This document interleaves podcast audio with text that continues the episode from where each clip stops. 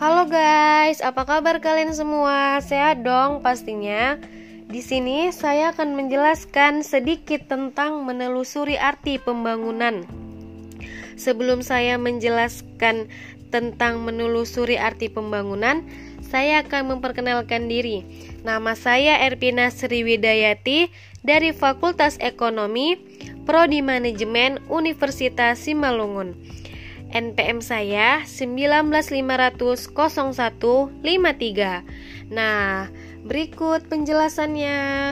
Tanpa mengecilkan besarnya sumbangan yang diberikan oleh data pendapatan per kapita dalam menunjukkan hal-hal yang dinyatakan di atas, perlu juga hendaknya disadari bahwa pendapatan per kapita sebagai indikator tingkat kemakmuran dan pembangunan mempunyai beberapa kelemahan. Ketidaksempurnaan tersebut dapat dibedakan kepada dua aspek. Yang pertama, kelemahan yang bersumber dari ketidaksesuaian penggunaan pendapatan per kapita untuk menemukan tingkat kesejahteraan masyarakat dan tingkat pembangunan. Yang kedua, kelemahan yang bersifat statistik dan metodologi dalam menghitung pendapatan per kapita. Beberapa faktor non-ekonomi yang menentukan kesejahteraan. Walaupun penduduk di pegunungan mempunyai pendapatan yang sama dengan penduduk yang hidup di dataran rendah, berdasarkan kepada perbedaan keadaan alamnya, kita dapat mengatakan bahwa tingkat kesejahteraan penduduk di dataran rendah adalah lebih tinggi. Keyakinan seperti ini didasarkan kepada kenyataan bahwa pada umumnya penduduk dataran rendah menghadapi tantangan alam yang sedikit. Di dataran rendah, iklimnya tidak terlalu dingin. Pekerjaan di sektor pertanian lebih mudah dilaksanakan, dan tenaga yang dikeluarkan untuk bergerak dan satu tempat ke tempat lainnya relatif lebih tinggi atau lebih sedikit dan beberapa kelemahan cara penghitungan pendapatan per kapita. Kelemahan metodologis dan statistis dalam penentuan tingkat pendapatan per kapita dalam nilai mata uang sendiri maupun dalam mata uang Amerika Serikat merupakan faktor yang lebih fundamental dalam menerangkan kelemahan pendapatan per kapita. Sebagai alat perbandingan tingkat kesejahteraan berbagai masyarakat.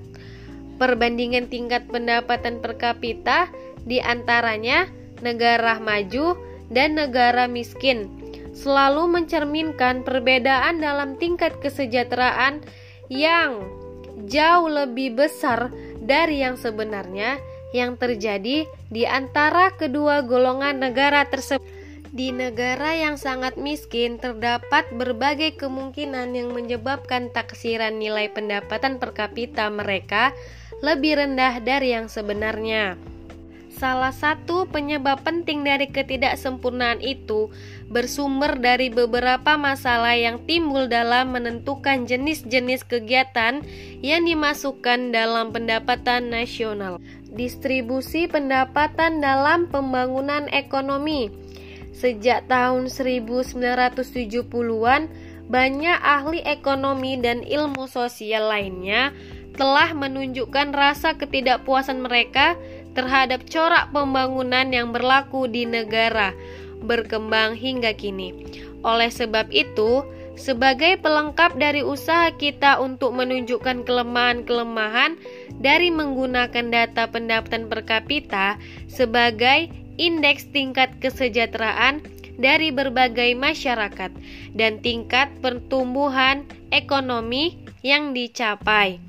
Rasanya rasanya akan bermanfaat untuk membicarakan masalah distribusi pendapatan dan masalah pengangguran dalam proses pembangunan ekonomi di negara berkembang. Nah, pembangunan ekonomi dan pendapatan golongan miskin. Dalam analisis pembangunan ekonomi, gambaran penting yang perlu diperoleh mengenai keadaan distribusi pendapatan adalah ciri-ciri keterkaitan antara pembangunan ekonomi dan corak perubahan distribusi pendapatan. Dengan menggunakan data dari 18 negara. Di antaranya, tiga negara maju, yaitu Perancis, Finlandia, dan Kanada. Dan satu negara komunis, yaitu Bulgaria. Ahluwalia membandingkan tingkat pertumbuhan dari pendapatan 40% penduduk yang pendapatannya paling rendah dengan tingkat pertumbuhan pendapatan nasional masyarakat tersebut. Di enam negara yaitu Taiwan, Bulgaria, Iran, Sri Lanka, Kolombia, dan Kanada. Tingkat pertumbuhan pendapatan dari 40% penduduk berpendapatan terendah melebihi tingkat pertumbuhan produk nasional bruto. Di satu negara yaitu Korea Selatan, tingkat pertumbuhan keduanya adalah sama. Di antara negara-negara ini, terdapat negara-negara yang tingkat pembangunan ekonominya sangat cepat, yaitu Taiwan, Bulgaria, Iran, dan Korea Selatan. Nah, dan ini masalah pengangguran di negara berkembang. Dalam pembangunan ekonomi di negara berkembang, pengangguran yang semakin bertambah jumlahnya merupakan masalah yang lebih rumit dan lebih serius dari masalah perubahan dalam distribusi pendapatan yang kurang menguntungkan penduduk yang berpendapatan rendah. Keadaan di negara berkembang dalam beberapa dasawarsa ini menunjukkan bahwa pembangunan ekonomi tidak sanggup menciptakan kesempatan kerja yang lebih cepat dari pertambahan penduduk. Oleh karenanya, masalah pengangguran yang dihadapi dari tahun ke tahun semakin lama semakin bertambah serius. Lebih malang lagi, di beberapa negara miskin bukan saja jumlah pengangguran menjadi bertambah besar, tetapi juga proporsi mereka dari keseluruhan tenaga kerja telah menjadi bertambah tinggi. Nah, dan ini beberapa usaha untuk menyempurnakan cara membandingkan tingkat kesejahteraan. Beckerman telah membuat satu survei mengenai usaha-usaha yang telah dilakukan beberapa pihak untuk membandingkan tingkat kesejahteraan di berbagai negara. Sebagian besar dari penelitian yang dilakukan dalam bidang tersebut hanyalah berdasarkan kepada sifat dan cara-cara untuk membandingkan tingkat kesejahteraan yang dilakukan. Beckerman membedakan berbagai penelitian tersebut dalam tiga golongan.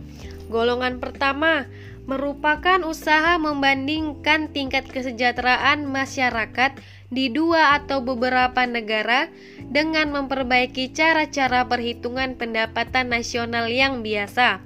Golongan yang kedua, membuat penyesuaian dalam pendapatan masyarakat yang dibandingkan dengan mempertimbangkan unsur perbedaan tingkat harga di tiap-tiap negara.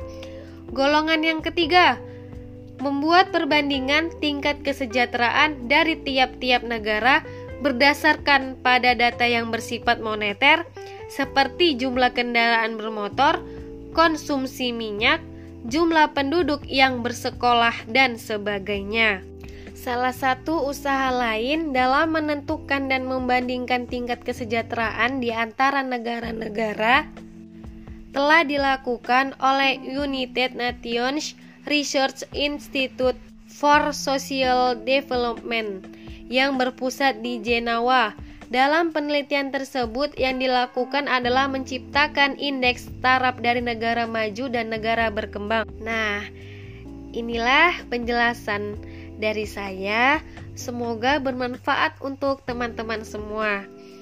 Sekian dan terima kasih.